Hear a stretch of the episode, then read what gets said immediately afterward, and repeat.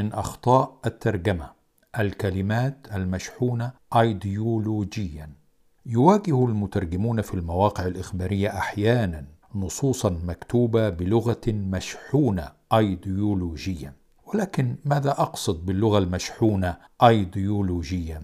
لست أظن أن هناك كاتبا أو صحفيا يستطيع الكتابه بلغة لا تشي بشيء من توجهاته السياسية أو العقدية أو الأيديولوجية وهذا في رأيي أمر مقبول إلى حد ما. لكن ما ينبغي لنا أن ننتبه إليه بل نحذر منه هو أن تكون الكلمات ظاهرها بريئا لكن دلالاتها داخل السياق اللغوي تحمل رسالة محددة يريد الكاتب توصيلها بطريقة غير ملحوظة وهذا ما أسميه كلمات مشحونة. وهاكم بعض الأمثلة اغتيال أو موت أو قتل.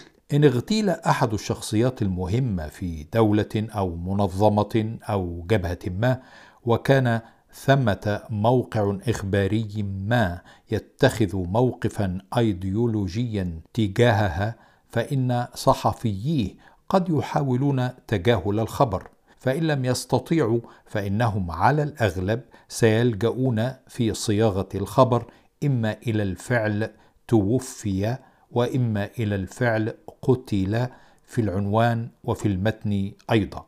وهذا موقف ايديولوجي يصبح فيه الفعل توفي أو الفعل قتل كلمة مشحونة يجب الانتباه إليها خاصة إن كان الخبر قد كتب بلغة أجنبية نترجم عنها. أسلحة ردع أو أسلحة دمار شامل. أما المثال الصارخ على الكلمات المشحونة ايديولوجيا فهو الأسلحة المدمرة بأنواعها المختلفة الكيميائيه والبيولوجية والنووية. فهذه الأسلحة عندما تمتلكها قوى غربية لا توصف إلا بأنها أسلحة ردع أما إذا حاولت دولة أخرى غير غربية ولا تتمتع بقوة سياسية مهيمنة أن تمتلكها فهي عندئذ أسلحة دمار شامل بالرغم من أن الأسلحة هي الأسلحة. وهذا أيضا موقف أيديولوجي توظف اللغة فيه لخدمة هدف سياسي بعينه والكلمات هنا أيضا كلمات مشحونة. هوية حنين زعبي.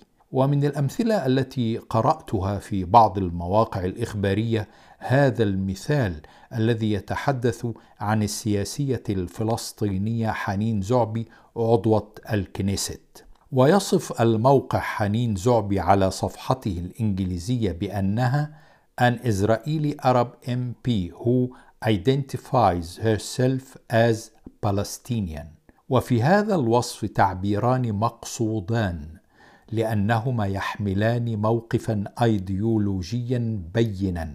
أولهما إسرائيلي أرب وهو يرمي إلى محو هوية حنين زعبي الفلسطينية.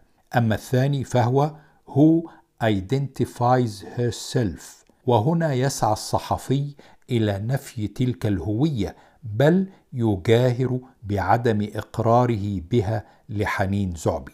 وقد سقط في هذا الفخ الأيديولوجي بكلماته المشحونة صحفيون عرب ترجموا الموضوع. فماذا قالوا؟ حنين زعبي نائبة عربية في البرلمان الإسرائيلي الكنيست وتعرف نفسها على أنها فلسطينية. وكان الأولى أن يقول المترجم حنين زعبي نائبة فلسطينية في البرلمان الإسرائيلي الكنيست. وهو إن فعل ذلك فلن يخالف الحقيقة ولا القانون الدولي. فحنين زعبي فلسطينية ومن يشكك في ذلك أو يصفها بغير ذلك يتبنى موقفا ايديولوجيا. ولكن الصحفي العربي في تلك الحالة ولا أستبعد ابدا حتى أن يكون فلسطينيا آثر الأمانة في الترجمة وهي هنا أمانة عمياء. إما مدفوعا بالموقف الأيديولوجي للشبكة الإخبارية التي يعمل بها وإما لأنه ليس حصيفا ولم ينتبه إلى الموقف الأيديولوجي وراء الكلمات. وقد يجد الصحفي نفسه يصارع نصا اجنبيا فلا يدري هل يلتزم الأمانة في الترجمة أو يلتزم الحقيقة التي يؤيدها القانون الدولي. ونصيحتي له في هذا الصراع أن يكون حذرا حتى لا يتبنى موقفا ايديولوجيا مغرضا يجافي الحقيقة. وهذا من الأخطاء التي سأظل أحذر منها وأنبه إليها.